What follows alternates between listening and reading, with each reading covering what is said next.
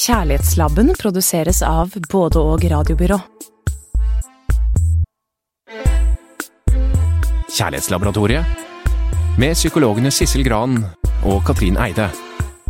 Ja, her sitter Sissel og jeg i vårt kjærlighetslaboratorium, og det vi skal gjøre her, det er å utforske det store temaet kjærlighet. Hva er kjærlighetens bestanddeler? Når blir noe kjærlighet? Hvordan varer kjærlighet? Hvorfor knuses den, og hva kan man gjøre for å få den til å vare? Og en rekke andre spørsmål. Vi skal egentlig by på alt det du trenger å vite om kjærlighet. Så hva er dagens tekst, Sissel? I dag skal vi snakke om det store vi. Om å finne hverandre og beholde hverandre og dyrke hverandre på en måte som styrker kjærligheten. Ja, det skal vi. Ja. Hva er dette? Dette er fuglelyder. Vi har jo vært på fugletur, du og jeg, rundt Østensjøvannet. Og da var det var ganske vill eh, En fin oppvarming til dette temaet vi holder på med i dag. Mm, mm. Ja. Da så vi lokking og jaging og bygging og ruging fordi fuglene de bygger, og den krabaten vi hører her, ja. Det er en sivspurv en ikke helt vanlig type. Du hadde ikke sett den før? Nei, jeg, jeg har jo ikke sett så veldig mye fugl egentlig heller, Nei. så det er masse som er nytt for meg ja, her. Men du ble også litt vill da vi så den? Ja, jeg ble litt vill. Ja, for det var, første, det var, årets første sivspurv, og det er et skikkelig vårtegn. Ja. Mm. ja veldig koselig. Mm.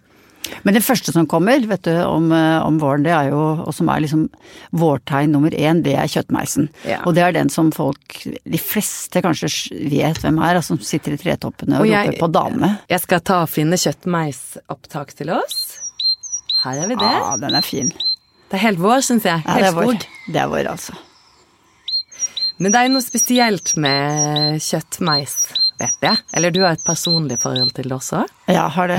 Ja. Vi satte opp en uh, fuglekasse på, rett på utsiden av veggen med, med, kamera, så vi kan følge med på hva som skjer der. Og der har fru Kjøttmeis flyttet inn, vet du, og driver og stuller noe veldig. Så nå venter vi på egg og unger og mm. Det er kjempespennende, jeg har sett ja, det selv. Jeg syns det er kjempegøy å se på. Veldig, veldig gøy. Her er en annen kjøttmeislyd, for har, vi har to opptak av kjøttmeis. Ja, riktig. En annen dialekt, som du sier. Ja. De er jo eh, ulike i stemmen, og litt avhengig av hvor de kommer fra eller bor i landet, så har de litt eh, De som, ja, de som lever i mye bråk og bilstøy og sånn, de må jo ha litt eh, tøffere tone og klarere klang. Det var annerledes da jeg var liten, husker jeg. Da sa de ti-ti-ti, ti-ti-ti. Men de gjør ikke det lenger. Nå er det mer smell i låten. Men dere har jo et webkamera til. Mm. Og i dag så så jo jeg på opptaket fra dette webkameraet et annet fuglereir som var helt fantastisk. Altså, det syns jeg var veldig spennende. ja, det er skjæremor. Ja, vi har en eh, svær klatrehortensia på utsiden av huset, og så er det sånne små vinduer øverst der, og der eh, Helt inntil der har skjærene bygd reir, og da har vi lirket et webkamera inn eh, i reiret, så nå driver vi med kraftig overvåkning av herre fru skjæret, altså. Kjempegøy! Låse henne opp og ruget Seks egg og stulle med det, vet du, og rigger seg til og Dette er skjærelivet, har jeg tatt rett? Ja, helt riktig. Der har du den. Ja.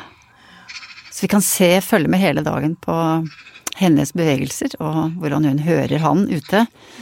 Hvordan hun springer ut ofte og roper på mat, og, og syns at han er eh, kanskje litt grann doven med å komme og fòre henne når hun ligger på eggene. Mm. Og det er jo en interessant fugl, ikke sant. Den er jo smart. Den, eh, den, den tar panneflekktesten, vet du. Altså den kan skjæres, ja, skjære, ser seg i speilet og vet at det er meg. Og det er det ikke så mange dyr som gjør. Nei. Så fuglene eh, Vi kan lese mye om oss selv eller et parforhold mm. ja. når vi studerer fugler, ikke sant? Ja, det er sånn kan, tenker ja. det er derfor vi også har med det nå i dag. Det er litt gøy, fordi eh, å skjære er jo, er jo en monogam fugl, da. Ja. Vi holder sammen eh, i samme paret år ut og år inn. Altså så lenge da maken lever, da. Så det er annerledes enn en, en del av de andre småfuglene som er, eh, som er veldig ja, utro små rakkere. Ja, ikke sant. For det er ikke ja. alle som er monogame og fuglene. Nei da. Det, kan, det har de ikke råd til å være. De må sørge for sin overlevelse. Ja. Så da skal vi jo høre Du har funnet frem et dikt som beskriver eh, dette.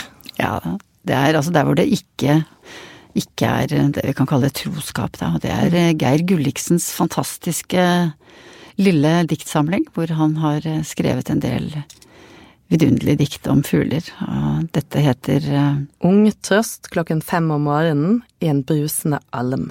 Ja, det er diktsamlingen. Og det, det diktet det handler om, det er en spurv. Ja, og det er Ola Furuseth som leser. I juli har ungene hans for lengst vokst opp. Han har ikke kontakt med dem lenger. De sitter på ledningen der han pleide å sitte. Nå er han for seg selv igjen. En langt mer voksen spurv enn han var i januar, med fettete frakk og mørk hette. Han holder seg i nærheten av henne fortsatt, selv om hun har dannet par med en annen. Han spriker med sjaskete fjær i nakken. Han håper at noen skal komme og nappe i dem, plukke litt på ham og gjøre alt godt igjen. Om morgenen roter han seg lenger bort enn han pleide. Mot slutten av dagen flyr han utslitt hjem, tvinger seg til ikke å se på det fuktige gresset som yrer av mark. Han vet at hun har spist ferdig for dagen. Hun sitter og kaller på en hann som ikke er han. Han kan høre at hun lager den samme lyden.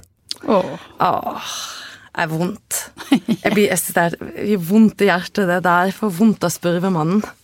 Ja, sånn vil, ikke, sånn vil vi ikke ha det. Nei. Nei, vi ville ha kjæresten vår lenge, lenge inn i evigheten. Men ja, dette med det monogame idealet Er det forlatt, tenker du? Nei.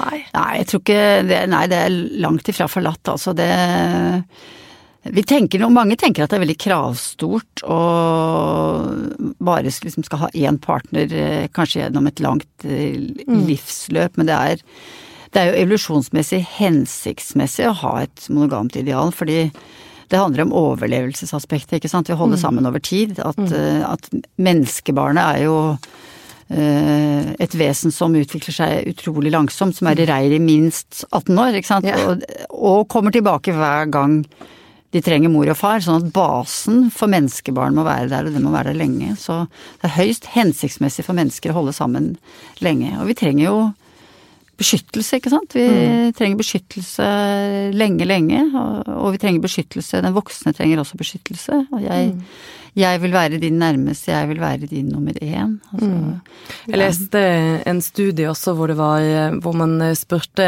Det var jo amerikanske ungdommer, ganske unge, jeg tror de var mellom ja, kanskje midten av 20-årene eller sånn, sånn, sånn tidlig kjærlighetslivet sitt. Og det, det som eh, Og da snakket de om hva ønsker du deg i livet, og med paret ditt, eller kjærligheten og sånn, og da var det en, eh, en eh, helt tydelig stor del av denne gruppen som svarer jeg vil ha den store kjærligheten, jeg ønsker å møte en som jeg kan dele hele livet mitt med. Og det viser jo hvordan dette ønsket om det monogame forholdet fremdeles lever i unge mennesker, også i vår tid. Mm, absolutt. Det vi må si, det er at selvfølgelig får vi ikke alltid det til. Men at det er et ønske og en drøm, det er eh, sikkert og visst. Ja. Og når det gjelder det monogame ønsket, så er vi nok veldig ulike fra fuglene. De er programmert på en annen måte enn det vi mennesker er, rett og slett. Ja,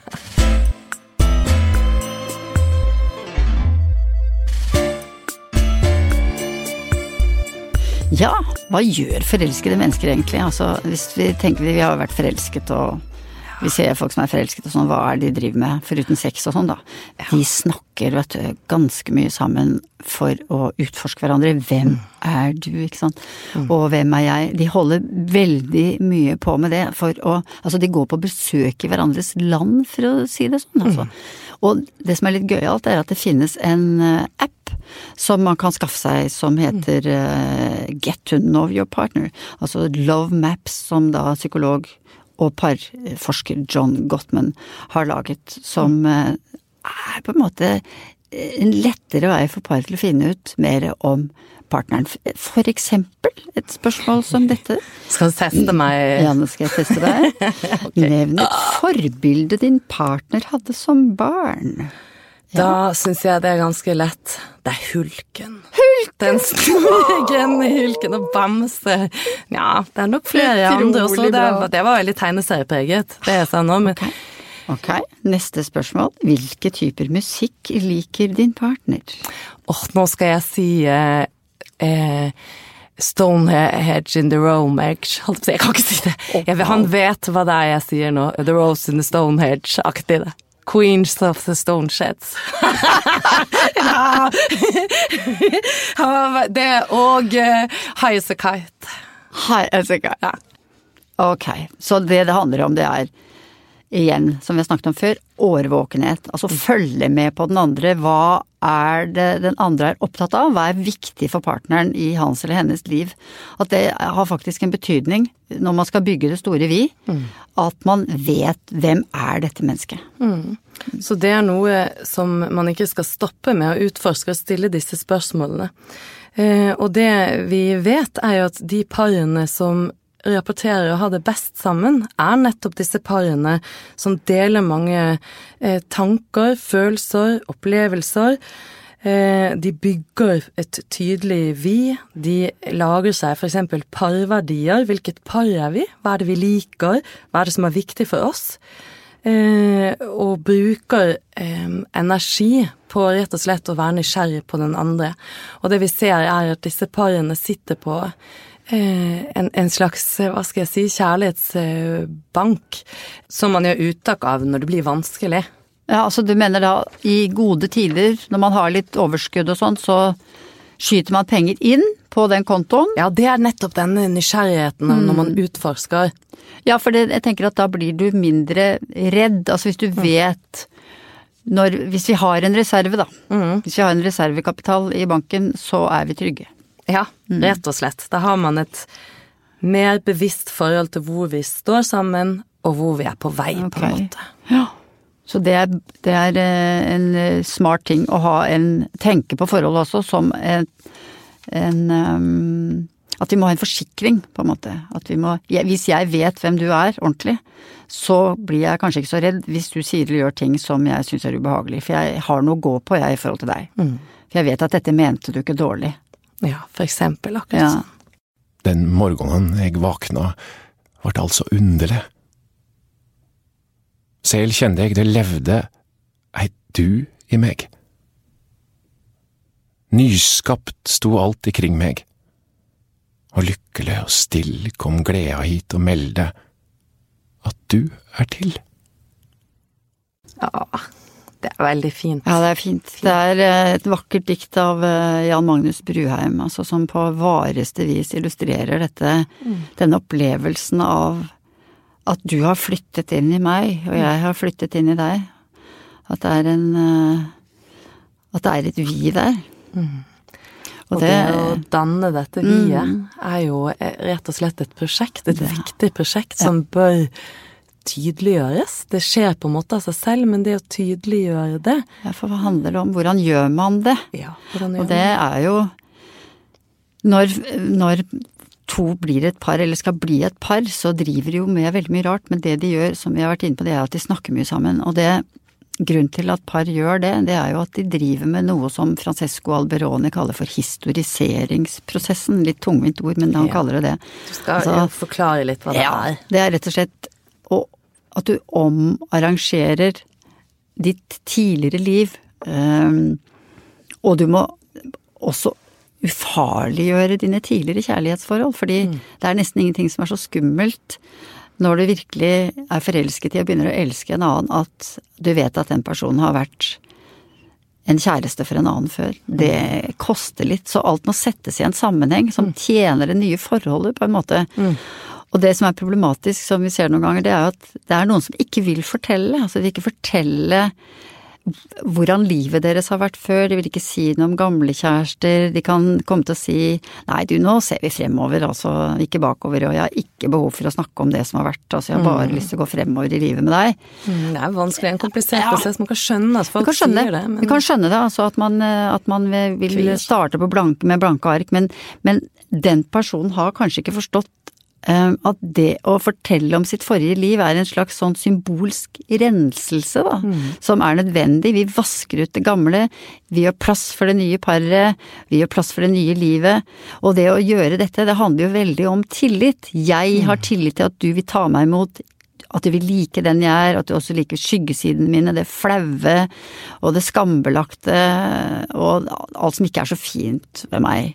Mm. Ja, så det er et, det er et uh, det er en jobb folk gjør i starten av forholdet når de mm. driver med denne historiseringsprosessen. Det er, viktig å vite om at det der med å vaske ut det gamle på en måte er et slags felles prosjekt som legger til rette for det nye, store ja. vi-et. Ja. Jeg tenkte om vi kanskje har noe eksempel, eventuelt noe sånn Ja.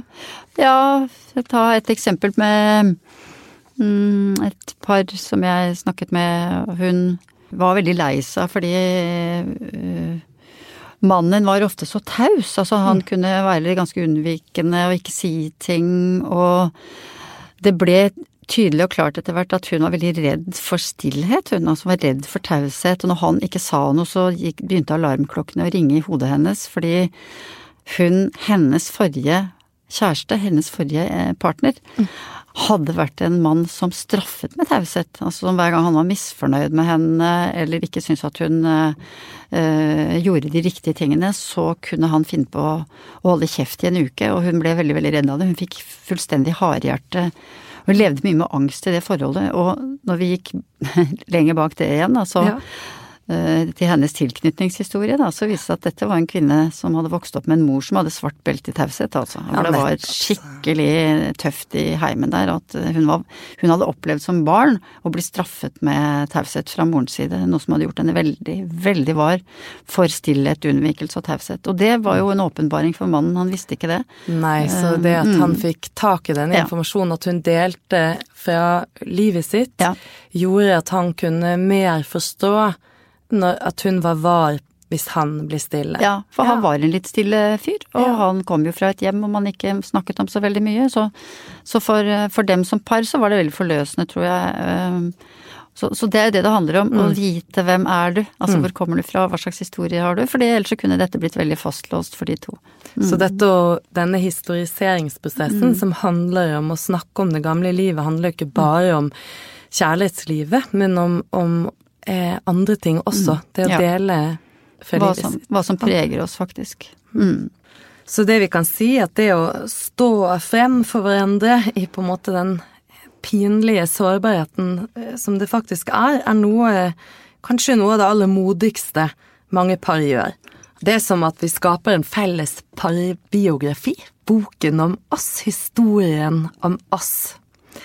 Eh, og det det handler om her, er jo at begge parter sier ja til forholdet som et felles prosjekt inn i tiden. Nettopp. Det er akkurat det.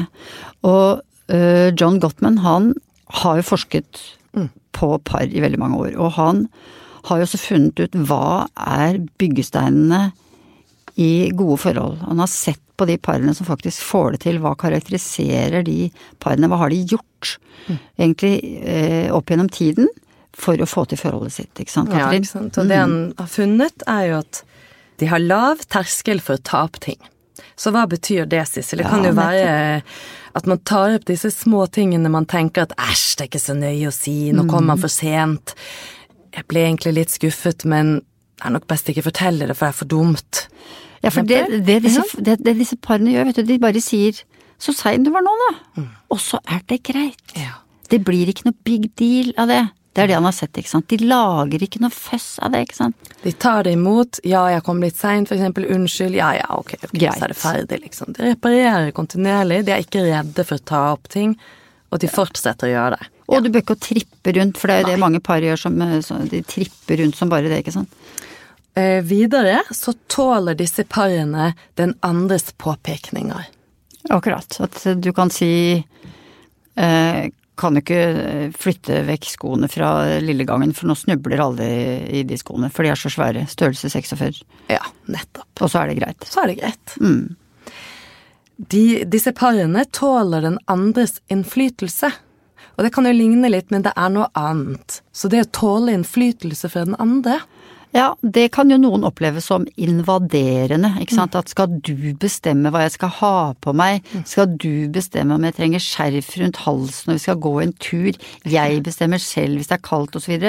Men hvis du tåler den andres innflytelse, så tåler du at den andre sier fader, det er 15 kuldegrader, best å ta på seg litt eh, mer enn det du har gjort nå. Ja, så er det greit. så gjør man det. Ja. Ja. Videre så kommer vi til noe som er veldig viktig. Og det er å klare å reparere etter krangler eller etter noe har vært vanskelig. Ja. Så det å kunne si unnskyld, det å kunne beklage, det å kunne ordne opp, reparere. Og ta imot, fordi folk, noen folk surmuler, vet du. Ja. Og furter altfor lenge, og det er en grense for hvor lenge du kan furte. Ja. Ikke sant? Ja. Og det er en grense for hvor mange ganger den andre orker å si 'jeg er virkelig lei meg for det'. Mm. Altså Til slutt så må du faktisk kapitulere og så ta imot den unnskyldningen. Det kalles å reparere, for det har, det har to sider. Det Mm. er den som sier unnskyld, og så er det den som jaggu meg skal ta imot òg, altså. Og dette her, jeg, jeg, kan- jeg syns ikke man kan si det mange nok ganger, hvor viktig det er å være god på det her. Og strever man med det, så må man på en måte søke hjelp. Man må, må finne ut av det. Det er, det er gull i parforholdet dette her kunne Ja. reparere. Ja. Eh, Det er ett punkt til, så godt man eh, trekker frem, og det kaller han for parforholdets økologiske brøk. Én til fem. Nettopp. Hva betyr dette? Ja, den er fiks, altså, for det han har sett på med par som faktisk har skikkelig god grunnmur, da, det er at eh, de parene der, de kan krangle, de kan kjefte, de kan eh, ha Det kan være ganske eh, høy stemme. Eh, det kan være surhet, det kan være irritasjon og kritikk. Men det veies alltid opp. Altså sånn at over tid så vil enhver ubehagelig episode, kritisk uttalelse, negativitet veies opp av fem positive episoder eller framstøt. Ikke sånn der og da, nå har jeg sagt at uh, en stygg ting, så nå skal jeg si en fem fine ting. Nei, pent men sånn over tid, i løpet av dagen, uka, måneden, året, så balanseres det sånn at det negative ikke veier så tungt på vektskåla, fordi Mm. negativ ting veier mye tyngre enn én positiv ting, ikke sant. Og dette her er noe folk vet eller snakker mye om eh, i forhold til barn, men det vi skal huske, er at dette gjelder like mye for oss voksne. Ja, Så alt det vi har snakket eh, om nå, koker egentlig ned til at paret må verne om forholdet sitt. De må ikke la tull og tøys ødelegge. Og har vi et godt grunnarbeid, ja, da får vi en god tabbekvote. nettopp. Et godt parforhold, vet du, det handler jo veldig mye om eh, tro, rett og slett. Eh, at det å lage et godt parforhold er på en måte sånn et trosprosjekt. Jeg begynner å tro på deg og meg. Altså, da har et par vært gjennom forfallspunktet, ikke sant. Der hvor det har vært vanskelig. Og den første og den andre og den femte krangelen og alt det der. Og de har kanskje greid å le av det, og de har reparert, og de har ordnet opp, og de er kommet et stykke videre på veien, og det er på en måte kjærlighetens seier vi snakker om da. det er igjennom det som jeg kaller den andre porten, da. Det er når vi begynner å tro på dette forholdet, til tross for ulikhetene mellom oss, og til tross for eh, tårer og frykt for å ikke være bra nok innimellom alt det der.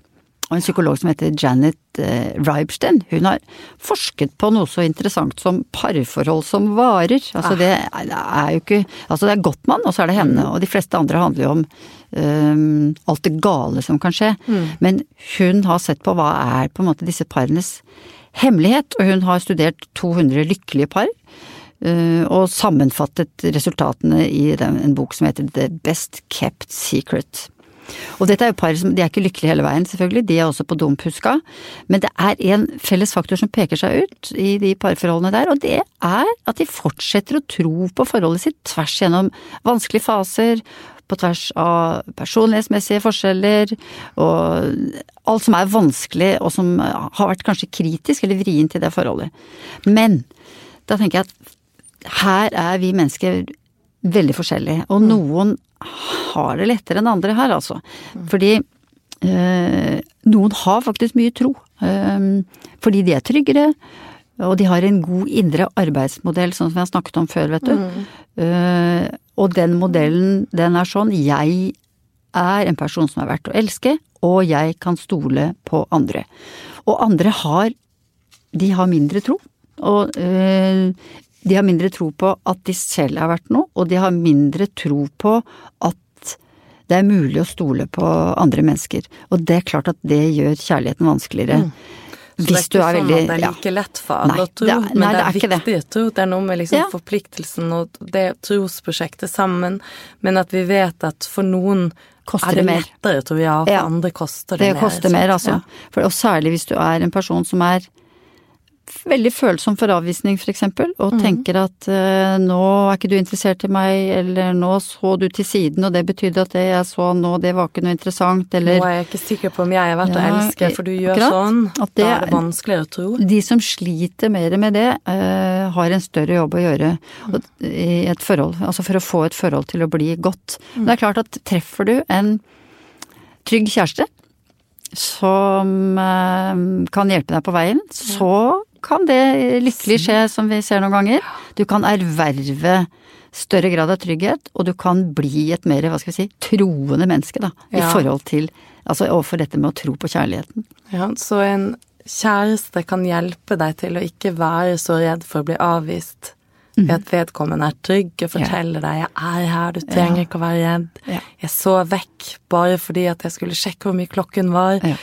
Ja. Ikke fordi, Ikke fordi jeg jeg ikke hadde tenkt å slå opp. hva du opp. så, sa, eller at det ikke er viktig for meg. Tvert imot. Viktig å hjelpe Ja. hverandre til å bli trygg. Så hva kan man Fins det råd, tenker jeg. Fins det enkle Vi kan aldri gi mer enn tre råd, ikke sant. For ingen klarer å huske Ja, mer enn tre ting. Da kobler hjernen ut. Tre gode råd på veien, altså, Katrin. Fins det?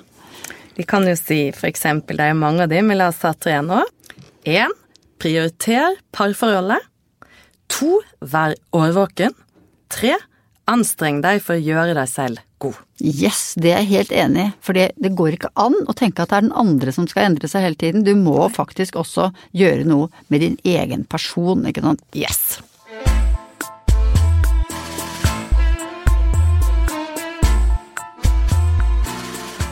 Da jeg var ung, så så jeg den filmen som fortsatt lever på nettet, som heter 'Klokkene ringer for deg', vet du. Etter boka til Ernest Hemingway.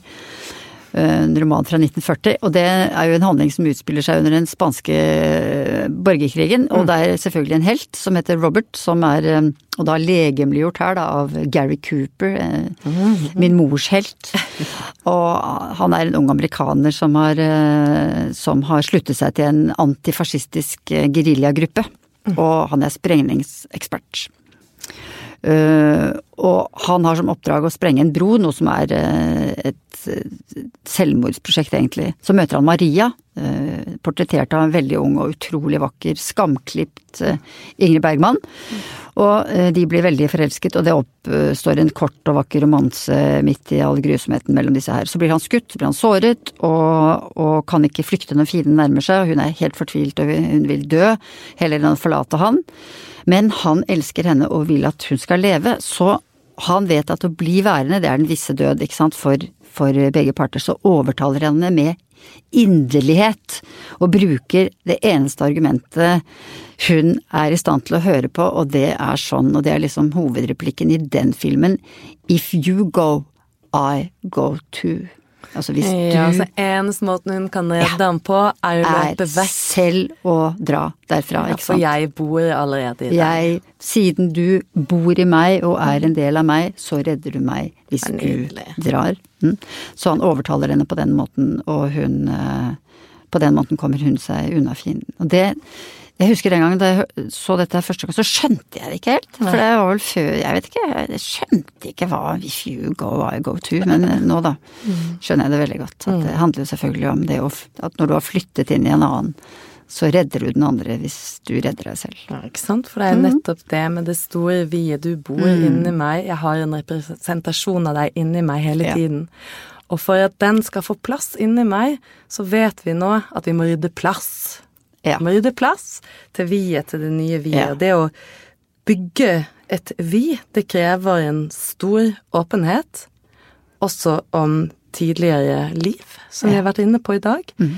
Det vi vet er at det er smertefullt, det er vanskelig, for plutselig kan vi se at det, jeg har bodd en annen der, du har vært glad i en annen før meg. Og eh, det er ganske vanskelig å, eh, å kjenne på. Det oppstår noe som vi kaller for en retrospektiv sjalusi. At du kan bli sjalu på det som har vært. aldri har skjedd. Ja, det som har vært. Sant? Ja. Og det skal vi snakke om neste gang. Ja. Om sjalusi. Kjærlighetslabben er produsert av både og radiobyrå.